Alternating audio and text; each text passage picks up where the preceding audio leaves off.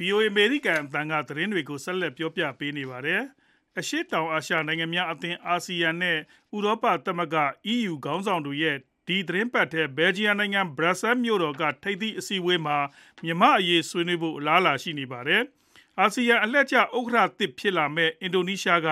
မြန်မာအရေးဖြေရှင်းဖို့ကြိုးပမ်းကြရာမှာလည်းအားပေးမယ့်အကြောင်း EU အကြီးတန်းသံတမန်တယောက်ကပြောပါတယ်။ မြန်မာနိုင်ငံမှာပြီးခဲ့တဲ့နှစ်ဖေဖော်ဝါရီလစစ်အာဏာသိမ်းပြီးနောက်ပိုင်းနိုင်ငံရေးအကျပ်အတည်းတွေကိုဖြေရှင်းဖို့အာဆီယံကဘုံသဘောတူညီချက်၅ရပ်ချမှတ်ခဲ့ပေမဲ့အကောင်အထည်မဖော်နိုင်ဘဲဖြစ်နေတာကိုဝိုင်းဝန်းဖြေရှင်းဖို့လိုအပ်ကြောင်း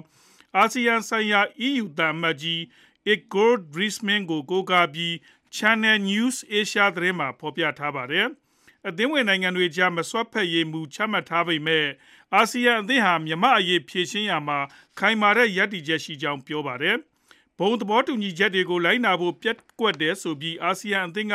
မြန်မာစစ်အာဏာပိုင်တွေကို အာဆီယံ အဆင့်မြင့် အစည်းအဝေးတွေမှာ မဖိတ်ဖို့ ဆုံးဖြတ်ခဲ့ပါတယ်။စစ်ကောင်စီကတော့ အာဆီယံရဲ့ လုပ်ရပ်ဟာ အသင်းရဲ့ အခြေခံမူတွေကို ဖောက်ဖောက်ဖျက်ရာ ရောက်တယ်ဆိုပြီး တုံ့ပြန်ထားပါတယ်။အာဆီယံဆိုင်ရာ EU သံအမတ်ကြီးကတော့ ဘုံသဘောတူညီချက်တွေကိုအကောင့်ထဲပေါ်ဖို့ဆန္ဒမရှိတဲ့မြန်မာစစ်အာဏာပိုင်တွေကိုဖိအားပေးဖို့တိုးမြင့်ဖို့လိုအပ်တယ်လို့လည်းပြောဆိုပါတယ်ခင်ဗျာ။